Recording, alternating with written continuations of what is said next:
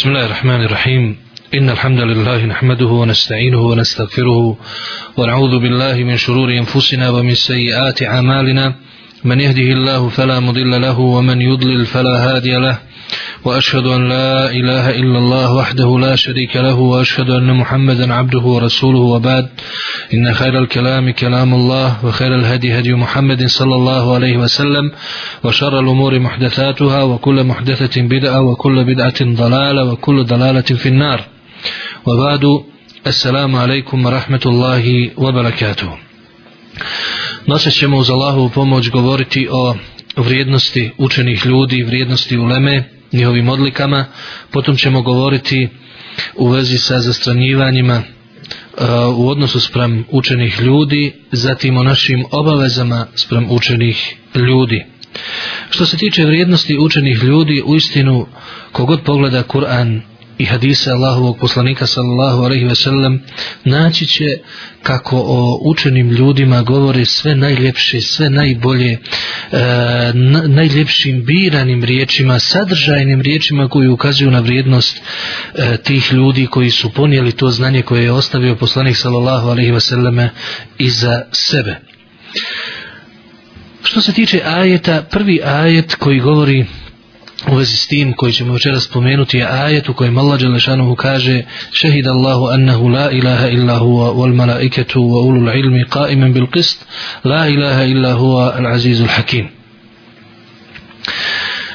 Allah svjedoči da nema drugog Boga osim njega a i meleki i učeni i da on postupa pravedno nema Boga osim njega silnog i mudrog ovaj ajet ukazuje na vrijednost učenih na nekoliko načina prvo Allah Đelešanu je između svih ljudi izabrao baš učene kao svjedoke. Drugo, njihovo svjedočenje spomenuo je u istom kontekstu sa svojim svjedočenjem i svjedočenjem Meleka. Treće, iz ajeta razumijemo da su oni povjerljivi i pouzdani jer ih je Allah Đelešanu izabrao za svjedoke. I ono što je najvažnije i što je najupečatljivije iz ovog ajeta jeste da Allah Đelešanu uzeo ih je kao svjedoke, za ono što je najvrednije, ono što je najveća istina i ono na čemu zbog čega postoji i nebesa i zemlja, a to je Allahova jednoća. Allahov tevhid, da Allah Đelešanu samo jedan jedini Bog koji zaslužuje obožavanje. Šehid Allahu ennehu la ilaha illa huwa wal malaikatu wa ulul ilmi qaiman bil qist. Allah svjedoči da nema drugog Boga osim njega, a i meleki i učeni i da on postupa pravedno. U drugom ajetu, govoreći o vrijednosti uleme, Allah Đelešanuhu je rekao, Hel jeste vi ledina ja'lemun, u ledina la ja'lemun? Da li su isti oni koji znaju i oni koji ne znaju? To jest, nisu isti oni koji znaju i oni koji ne znaju, jer ovo je pitanje, pitanje negacije. To jest, negira se poisto vječivanje onih koji znaju i onih koji ne znaju. Osim što razumijemo da oni koji znaju su vredniji od onih koji ne znaju, i na većem su stepenu i na deređi, iz ovoga vidimo da ljudi se mogu podijeliti u dvije skupine kada je u pitanju znanje. Oni koji znaju i oni koji ne znaju. A iz ajeta vidimo da one uistinu nisu isti i zbog toga Ibn Al-Qaim kada je govorio u vezi s ovim u svom dijelu Meftah Dari Saade kaže ovo je najveća odlika i naj, najviše što se može reći u vezi sa odlikom učenih ljudi.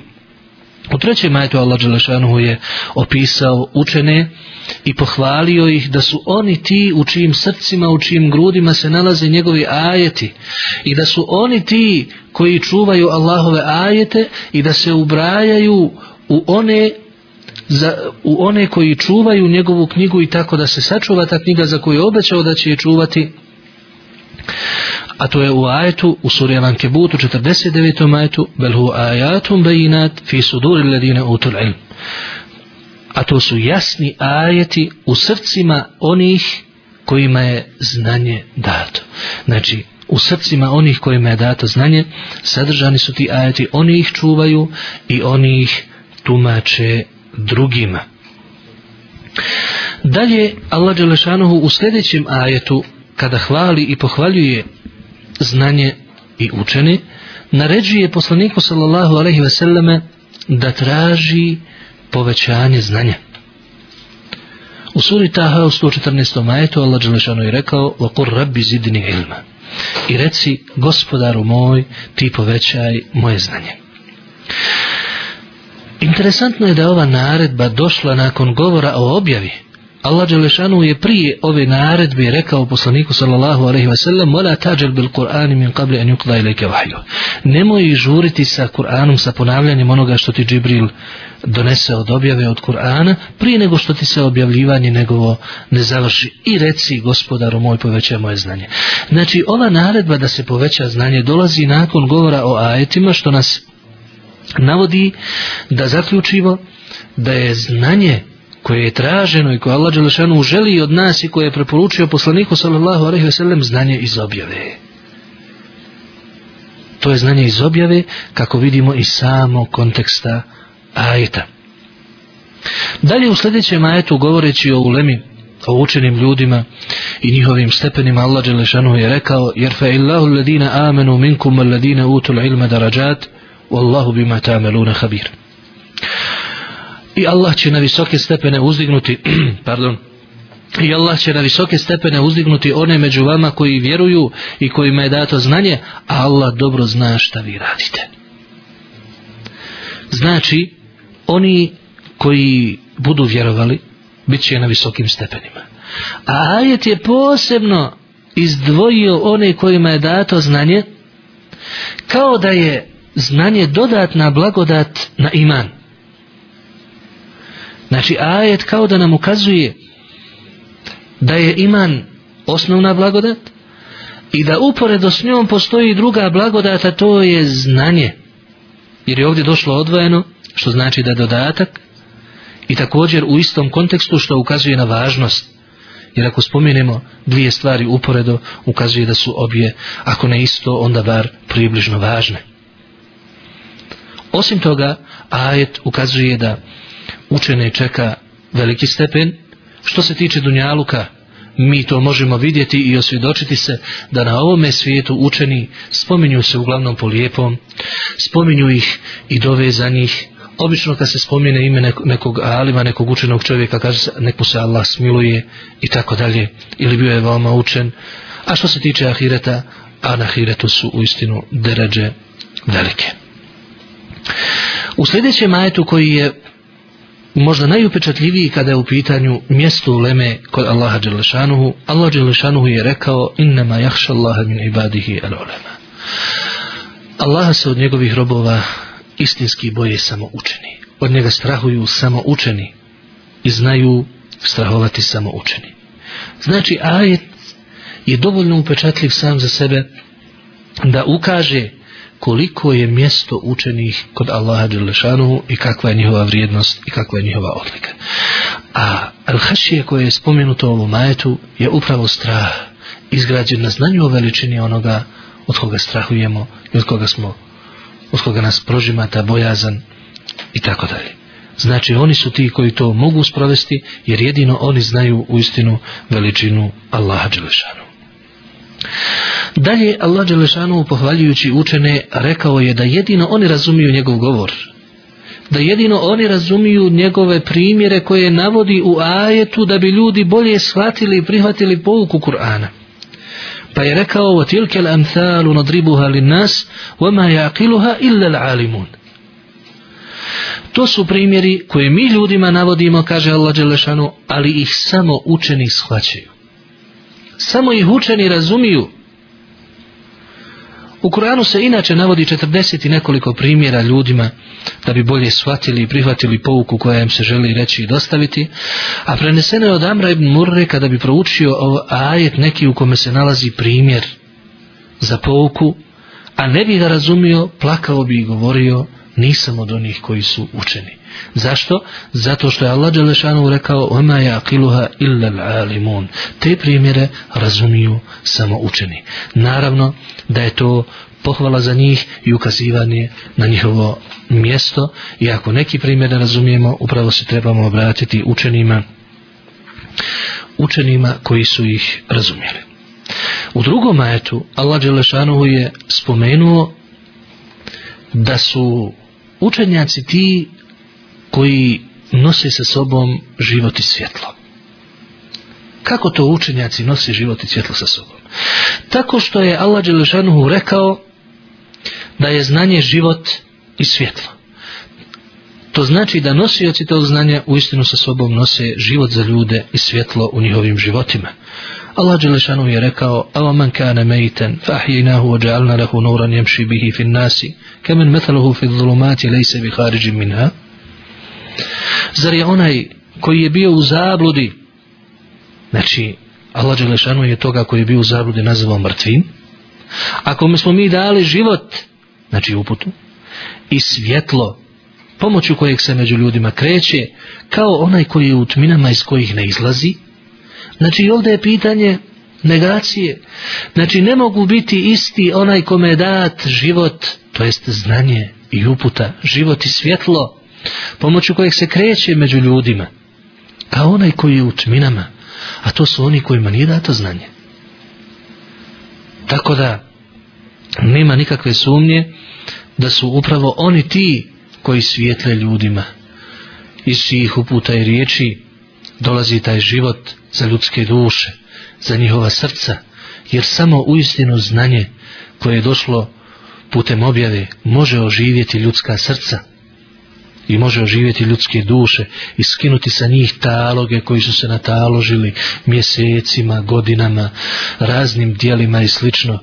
Jedino to može ih očistiti. Svi drugi pokušaje dolaska do čistote duše i čistoće srca su bezuspješni, beznadežni i neće pomoći nikome. Znači jedino se objavo može i znanjem iz objave doći do toga, a učenjaci su ti koji nose sa sobom.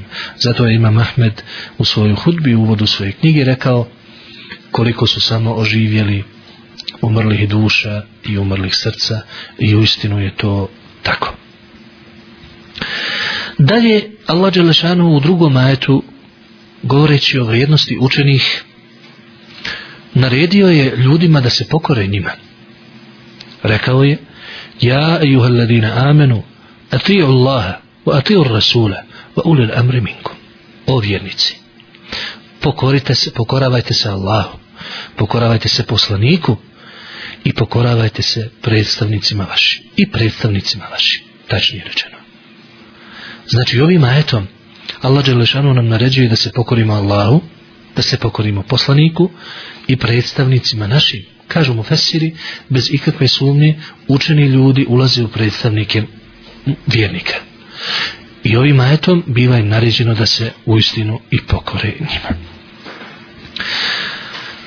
Dalje u ajetu jednom veoma interesantnom Allah Đelešanuhu kaže da je vjerovjesnike odlikovao jedne na drugima. Znači čak i među vjerovjesnicima u to ulazi poslanici, postoji razlika.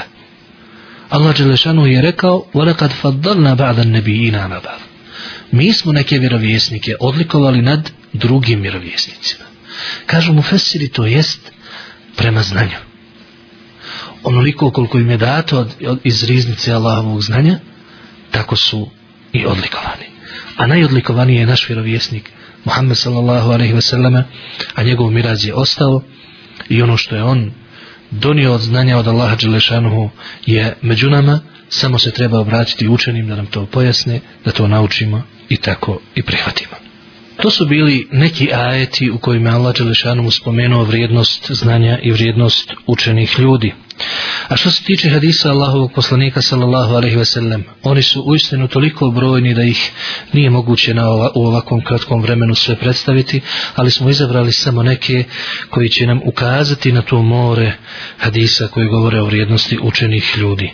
Rekao je poslanik sallallahu alaihi ve sellem, men dela ala hajrim falahu mitlu ajri fa'ilihi, ko uputi nekoga da radi dobro, imat će istu nagradu kao onaj koji ga je uradio. Znači, ovo nam je zabilježio imam muslim u svom sahihu. Kaže imam nevevi, ovaj hadis ukazuje na vrijednost podučavanja ljudi i vrijednost podučavanja ljudi kako da obave ibadete. Znači, ovaj hadis, ako ne ukazuje na vrijednost učenih, onda e, i nema nikakvog značenja, jer u istinu učeni su ti koji ljude uče hajru koji ljude uče kako da obave ibadete, koji ljude podučavaju znanju prenesenom od poslanika sallallahu alejhi ve sellem. Što znači da svi oni koji rade prema znanju koje je čovjek donio i proširio na nekom mjestu ima nagradu e, za ta djela kao da ih je on uradio a njima se neće umanjiti od njihove nagrade ništa U drugom hadisu poslanik sallallahu alejhi ve sellem je rekao: "An-nasu ma'adin kama adin adh-dhahabi wal-fidda, khiyaruhum fil jahiliyyi khiyaruhum fil islam idha faqahu aw faqahu." Ljudi su poput metala uh, kao što kao što je zlato i srebro. Najbolji koji su bili prije islama, oni su najbolji i u islamu, ali ako nauče vjeru. I ovaj hadis nam je zabilježio ima muslim, a iz njega razumijemo da vrijednost čovjeka ostaće sačuvana i doći će do izražaja isključivo ako nauči znanje.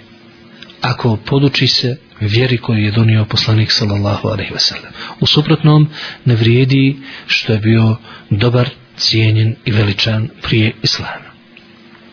U trećem hadisu poslanik sallallahu alejhi ve sellem je rekao: "Men yuridi Allahu bihi khairan yufaqihu fid din." Kome Allah želi dobro, poduči ga vjeri.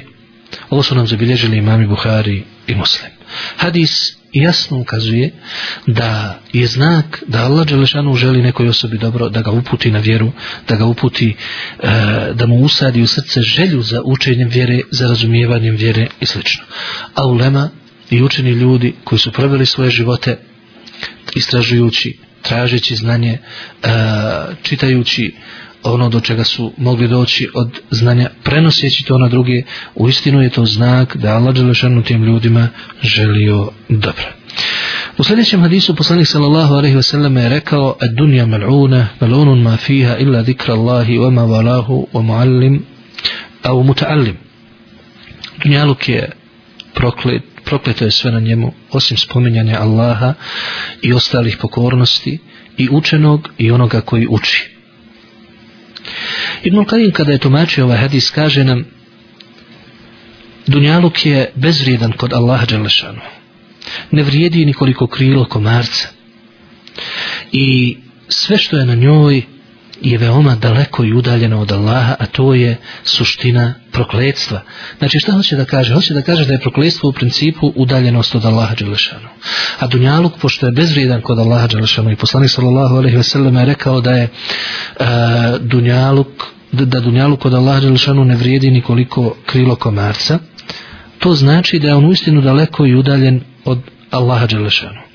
I Allah ga je stvorio kao e, njivu za ahiret i kao prelaz sa dunjaluka na ahiret sa ovog života na budući svijet i, i stvorio ga je s ciljem da se njegovi robovi obskrbe na njemu za putovanje prema njemu, to jest prema Allahu Đelešanuhu i zbog toga Allahu Đelešanuhu sa Dunjaluka i nije ništa blizu osim onoga što Allah Đelešanuhu voli i što, što, što, što je njegovo spominjanje i što vodi ka njegovom zadovoljstvu i onome što on voli a Alim to jest onaj koji podučava druge i onaj koji uči to je samo sredstvo koje vodi ka onome što Allah Đelešanuhu voli i zato je izuzeto iz te udaljenosti od Allaha Đelešanuhu Dalje u sljedećem hadisu poslanik sallallahu alejhi ve sellem nam govori kako meleci e, izražavaju počast i čuvaju onoga koji traži znanje naravno samim tim i učene rekao je poslanik sallallahu alejhi ve sellem inna talibal ilmi la tahuffu bihi al malaikatu wa tudallilu bi jihatiha fayarkabu ba'daha ba'dan hatta talu ila as-sama'i dunya min hubbihim lima yatlub u istinu a, e, učenika to jest onoga koji je krenuo tražiti šerijetsko znanje, okruže ga meleci i prave mu štit i hladovinu svojim krilima i popnu se jedan na drugog, znači meleci, dok ne dođu do zemaljskog neba. Sve to zbog toga što vole to što tražimo to je to znanje koje traži. A u drugom hadisu je rekao in al malaikata tadau ajnihatiha li talib al ilmi ridan bima yatlub. U istinu meleci spuštaju svoja krila kada pored njih prođe onaj koji traži znanje zato što su zadovoljni time što traži. Znači ova dva hadisa kažu učenjaci ukazuje da oni to iz počasti rade.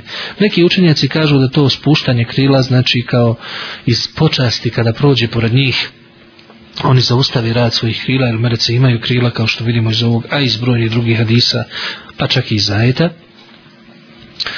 A neki kažu, kao što je Ibn Abdul Ber, u komentaru ovog hadisa, u svom djelu džami u Bejanil Elmi u Fadli, a, kaže nam da oni to dižu svoje ruke, učeći dovu za onoga koji traži znanje, i kao što ljudi kada uče dovu dignu svoje ruke prema nebesima to jest prema Allahu Đelešanu u sljedećem hadisu govoreći o vrijednosti učenih poslanik sallallahu alaihi ve selleme je rekao u istinu jednu, jednu vrijednost učenih ljudi kakva se ne može ni zamisliti rekao je poslanik sallallahu alaihi ve sellem innehu la yastagfira lil alimi من في السماوات ومن في الأرض حتى الحيتان في البحر Uistinu za učenog čovjeka oprost traži, traže svi koji su na nebesima, to jest meleci, i svi koji su na zemlji, pa čak i ribe u vodi. U drugom rivajetu stoji Inna Allaha wa malaikatahu wa ahla samavati wal ard hatta namlata fi juhriha hatta al-huta fi al-bahri la yusallun ala muallimi nasi al khair u istinu Allah njegovi meleci stanovnici nebesa i stanovnici zemlje čak i mravi u svojim boravištima pa čak i riba u vodi donose salavat na onoga koji uče, uče na one koji uče ljude dobro ovo nam je prenio imam Tirmizi i kaže da je Hasan Sahih a Albani kaže da je hadis dobar i vjerodostajan kaže Ibnul Kajim tumačeći ove, ove hadise pošto je učen čovjek uzrok da ljudi spase svoje duše od raznih propasti i uzrok je da robovi se spase data mu je nagrada data mu je naime ista nagrada kao i kao što je njegovo dijelo i zbog toga mu je dato da svi koji su na nebesima to jest meleci i koji su na zemlji trude se i ulažu trud i napor da on bude spašen od raznih propasti tako što mu uče istikfar to je straže oprost za njega od Allaha Đelešanu a što se tiče hadisa u kojima je spomenuto da čak i životinje traže oprosta za njega od Allaha Đelešanu to je zbog toga što on uči ljude kako treba da se odnose prema životinjama jer je širijat pojasnio i to poglavlje i to pitanje i zbog toga što uči ljude da ne opterećuju životinje više nego što je to moguće potom kako prema njima da se odnose od hrane kako da ih zakolju i tako dalje sve su to stvari i pitanja koja, koja se mogu saznati samo od učenih i zbog toga upravo i životinje mole oprost za, to, za učena čovjeka koji druge podučava dobru i hajru. Postoji mogućnost završeni govor Ibnul Kajima, međutim postoji mogućnost iz druge strane, a to je da šireći dobro među ljudima, širi se i Allahu beričet na zemlji koje osjete čak i životinje.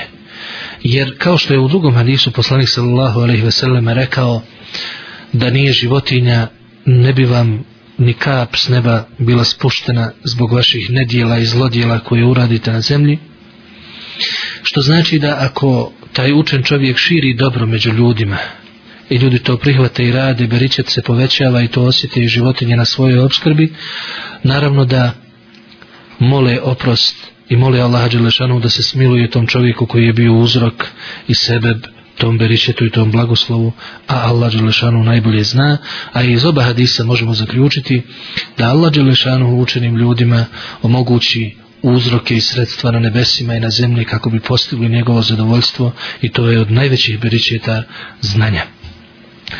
U sljedećem hadisu koji govori o vrijednosti učenih ljudi, poslanik sallallahu alaihi ve sellem je rekao Inne fadle l'alimi ala l'abid ke fadle l'kameri lejlete l'bedri ala sa'ir l'kevakib إن العلماء هم ورثة الأنبياء إن الأنبياء لم يورثوا دينارا ولا درهما ولكنهم ورثوا العلم فمن أخذه أخذ بحظ وافر Uistinu je vrijednost učenog čovjeka nad pobožnim kao vrijednost mjeseca u noći punog, mjese, punog mjeseca nad ostalim zvijezdama. Uistinu su učeni nasljednici vjerovjesnika – a vjerovjesnici nisu ostavili u nasljedstvo ni, ni zlatnike, ni srebrenjake, ni dinare, ni dirheme, nego su ostavili znanje. Pa ko uzme to kao nasljedstvo, uzeo je dovoljen udio u nasljedstvo. Ovo nam je prenio Imam Tirmizi Ibn Mađe, Albani kaže da je dobar i vjerodostojan hadis. Ovaj hadis u istinu također je veoma riječit i slikovit kada je u pitanju vrijednost učenih ljudi nad ostalim ljudima i to nas dovodi do sljedećeg a to je koje su naše obaveze prema učenim jer kako kaže ovdje u ovom hadisu da su oni varathetul ambija nasljednici vjerovjesnika to znači i u obavezama i u tome što pozivaju ljude u ono u što su ih pozivali vjerovjesnici ali i po tome što su naslijedili prava kod drugih ljudi koja su imali vjerovjesnici osim onih prava koja su koja se ubraje u posebnosti vjerovjesnika i poslanika a Allah najbolje zna međutim prije govora o našim obavezama spremučenih ljudi želio bih spomenuti da da ljudi u vezi sa učenim ljudima nemaju jedinstven stav i ljudi su se podijelili u tri skupine oni koji su znali njihova prava i nisu pretjerivali u vezi s tim, nisu im davali položaj veći od položaja koji im je dao njihov stvoritelj Allah Đilešanu, a nisu ni umanjivali njihova prava i omalovažavali njihov položaj i obaveze ljudi prema njima. Zbog toga kažemo da su dvije skupine zalutale u vezi sa odnosom prema učenim ljudima. Prvi koji su pretjerali i koji su učene učene postavili na položaj božanstva, a neki položaj vjerovjesnika, a neki su im dali čak položaj između božanstva i vjerovjesništva, pa kažu da mogu nekada dostići stepen iznad stepena vjerovjesnika. Sve to nije tačno. I zbog toga a, učenjaci su i naveli tekstove u, u knjigama o Akajdu koji ukazuju da nije dozvoljeno pretjerivati u vezi s učenim nego im treba dati samo njihov položaj koji mi pripada, koji im je dao Allah Đelešanu i poslanik sallallahu alaihi ve sellem. Zato bileži imam termizi u svom sunenu i imam Ahmed u svom musnedu da je Adi ibn Hatim jedne prilike čuo poslanika sallallahu alaihi ve selleme kako uči ajet ittahadu ahbarahum wa ruhbanahum arbabe min dunillah والمسيح ابن مريم وما أمروا إلا ليعبدوا إلها واحدا لا إله إلا هو سبحانه عما يشركون I oni su uzeli svoje učenjake i svoje pobožnjake za bogove mimo Allaha Đelešanu. A i Mesiha, Marjamina sina. A bilo im je samo naređeno da jednog Boga obožavaju. Nema Boga osim njega, neka je uzvišen i visoko iznad onoga što što mu oni prepisuju kao su druga. Kada je čuo taj ajet iz sure Teube, kaže Ali ibn Bihatim, koji, a, eh, eh, koji je inače bio sljedbeni knjige prije nego što je primio islam, inna lesna na buduhum. Mi ih nismo obožavali, kaže Allahu poslaniče. Kale, elejse juharrimune ma ahallallah, fatuharrimune vajuhillune ma harram Allah, fatuhillune. Zar vam oni nisu zabranjivali ono što vam je Allah halalio, znači dozvolio i vi ste tako to i prihvatali i dozvoljavali vam ono što je Allah haramom učinio pa ste i to halalom smatrali fakultu bela rekao je da, tako smo radili pa je rekao fetilke ibadetuhum to je vaš ibadet vaše obožavanje njih znači iz ovog ajta razumijemo da ne smije se ne smiju se učeni niti pobožni staviti na stepen koji im ne pripada i pretjerivati u vezi s tim, jer stepen obožavanja i e, potpune pokornosti pripada jedino Allahu Đelešanuhu i poslaniku sallallahu alaihi ve sellem zato što nam je Allah Đelešanuhu tako naredio. Zbog toga je Abdullah ibn Abbas jednom prilikom kada je govorio kako treba obaviti hađ pa je on smatrao da treba obaviti umru prije hađa, pa napraviti jednu pauzu do dana hađa, pa tek onda obaviti hađ, to se zove hađ temeto. A drugi su se neki usprotivili i rekli kako to ti kažeš, a Ebu Bekar i Omer su uradili drugačije, narazivali drugu vrstu hađa da se obavi hađa odmah bez umre. Pa je Ibn Abbas ljutito rekao, يوشك أن تنزل عليكم حجارة من السماء أقول قال رسول الله صلى الله عليه وسلم وتقولون قال أبو بكر وعمر Bojim se da će na vas pasti kamenje s neba, kaže Abdullah ibn Abbas. Ja vam kažem, rekao je poslanik sallallahu alaihi ve sellem, a vi mi govorite, rekao je Abu Bakr i Omer. Znači, kako to može biti? Kako se to može desiti? I to je postavljanje učenih iznad njegovog mjesta. A ko su bili Ebu Bekr i Omer radijallahu anhu? Dva najbolja čovjeka ovog ummeta. Ebu Bekr radijallahu anhu najbolji čovjek nakon vjerovjesnika. On je najbolji evlija nakon vjerovjesnika od svih naroda Omer radijallahu anhu drugi halifa pojam pravednosti ali opet Abdullah ibn Abbas učenjak ovog ummeta onaj za koga je poslanik sallallahu alaihi ve sellem učio dovu da, poz, da mu Allah da razumijevanje Kur'ana da poznaje tefsir kaže ovo što je rekao znači i pored svega svakom mora pripasti mjesto kojima je Allah Đelešanu dao i ništa više.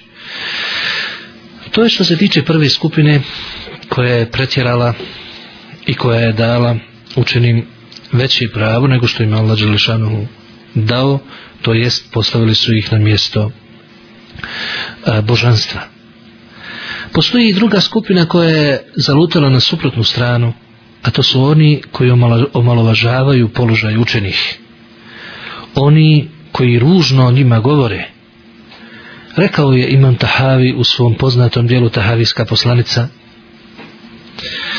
a inače je to dijelo poznato i prihvaćeno od strane svih muslimana kao dijelo koje je neprikosnoveno i koje govori o ubiđenju i vjerovanju muslimana od prvih generacija do dan danas. Kaže on u vezi sa učenim i učeni iz prvih generacija i oni koji su došli nakon njih oni koji su bili na dobru i koji su slijedili predaju i sunnet oni koji su razumjeli i poznavali fik i oni koji su gledali u šerijatske dokaze i iz njih izvodili šerijatske propise o njima se govori samo lijepo a oni koji o njima govore ružno oni su na krivom putu kaže imam tahavi znači da je od našeg vjerovanja od naših osnovnih postavki u vjeri da o učenim govorimo lijepo, da o njima ne govorimo ništa što je ružno, pa i ako znamo nešto što je bilo ružno, to treba pokriti, ne širiti, ne govoriti, jer oni uistinu zaslužuju da se samo o njima govori lijepo, lijepo i samo lijepo, zbog toga što su oni svoj život proveli u znanju koje je preneseno od Allaha Đelešanu, od poslanika sallallahu alaihi ve selleme, trpjeli su, uh, trpjeli su razne neznalice, trpjeli su razne nedaće i probleme dok su sakupljali to znanje bez ikakve nadoknade bez ikakve plate oni su ga širili u ovom umetu pisali su dešavalo se da nekada nisu imali ništa od imetka a da su ipak širili to znanje tako se navodi da je čak razlog pisanja jedne knjige Tuhmatul Maulud poklon za novorođenče koji je napisao inače autor Ibnul Kajim Naime, povod pisanja te knjige bilo je što mu se rodio unuk, a običaj je bio da se daruje, donese se neki dar i on kaže da ga je to zadesilo baš u vrijeme kada apsolutno nije imao ništa da bi poklonio svom unuku, pa je kao poklon napisao tu knjigu i u istinu je to bio veliki poklon kojim se i mi danas koristimo do današnjih dana. Znači, ako ti ljudi ne zaslužuju naše poštovanje, Ako ti ljudi ne zaslužuju da se o njima samo lijepo govori, onda ko bi to mogao zaslužiti? Ne smije se imati u vidu da je Allah Đelešanovu inače zabranio da ogovaramo obične ljude. Vala jegta badu kumbada, kaže Allah Đelešanovu, nemojte jedni druge ogovarati. Kažu učenjaci, to se odnosi na obične ljude, znači na sve ljude oko nas.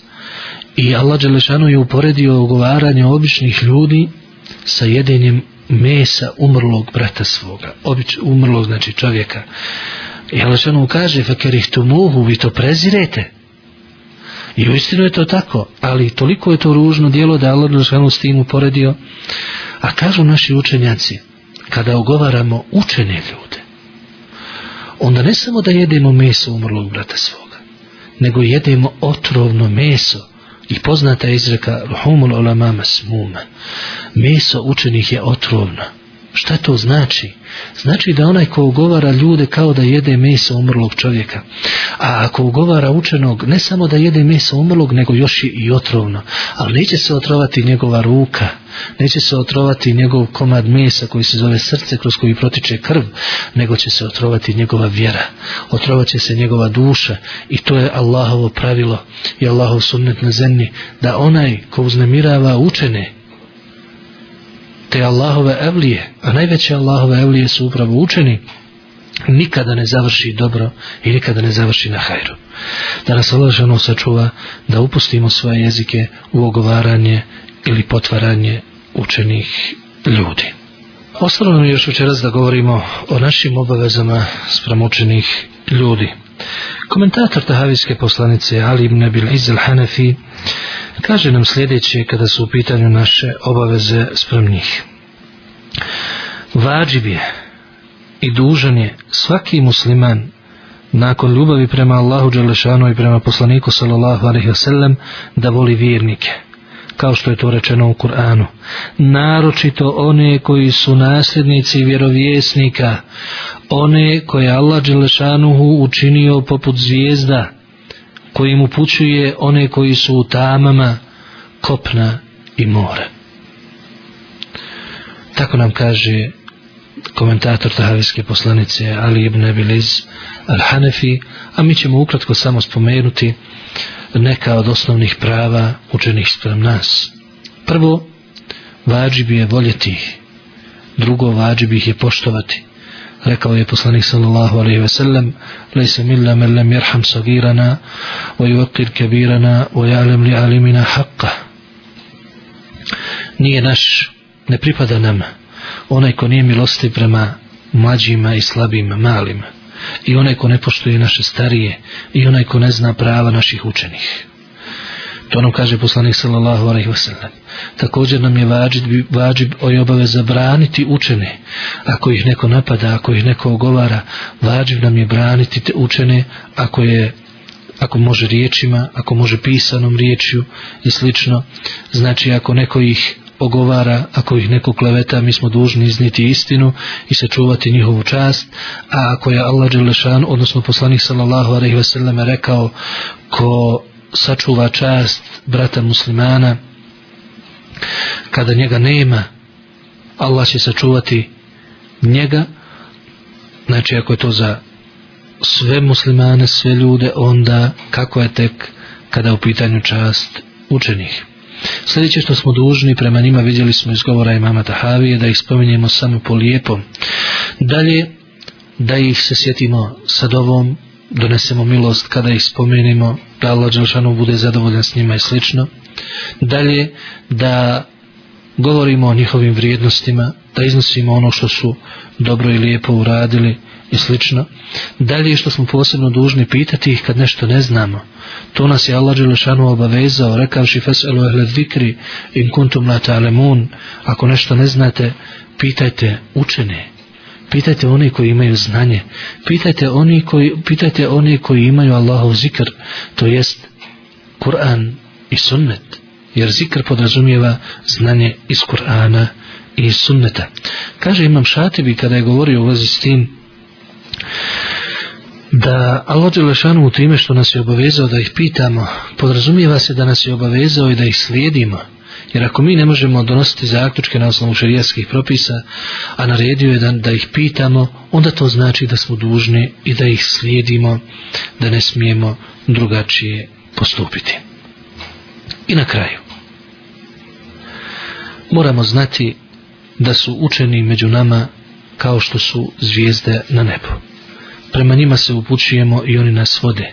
Oni su poput svjetiljki koje je Allah Đelešanu učinio za one koji su u tamama kopna i mora kao što se kao što je to spomenuo imam Ibn Abil Iz al-Hanefi. Također moramo znati da smo u vremenu kada je učenih sve manje, i mi moramo zahvaliti na blagodati da imamo uopće učene pa da nam Allah Đelešanu to poveća jer Allah Đelešanu je rekao ako budete zahvalni on će vam povećati svoju blagodat znači ako budemo zahvaljivali na tome što imamo učene Allah Đelešanu će nam to povećati i povećat će njihov broj i bit će nam i lakši jer mi smo u vremenu za kojem je poslanik sallallahu alejhi ve selleme najavio da će znanje nestajati time što će Allah dželešanu usmrćivati učene.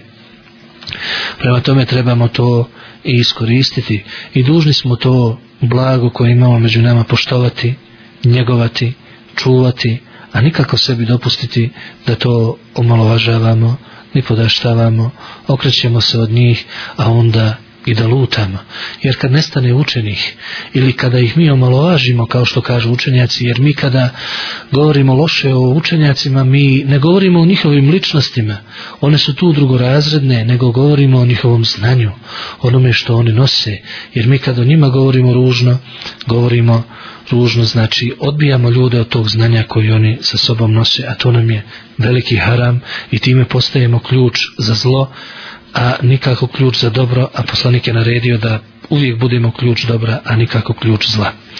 Molimo Allaha Đelešanuhu da nas sačuva, pomogne, poveća naše znanje, učini nas od onih koji slušaju ono što je najljepše i rade ono što je najbolje. A kulu kao li hada, u astagfirullah, wa sallallahu ala nebina Muhammedu.